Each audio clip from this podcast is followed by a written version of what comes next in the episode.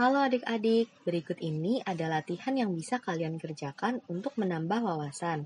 Kalian boleh mencari dari berbagai sumber mengenai hewan-hewan yang termasuk herbivora serta bagian tumbuhan mana yang mereka makan. Selamat mengerjakan!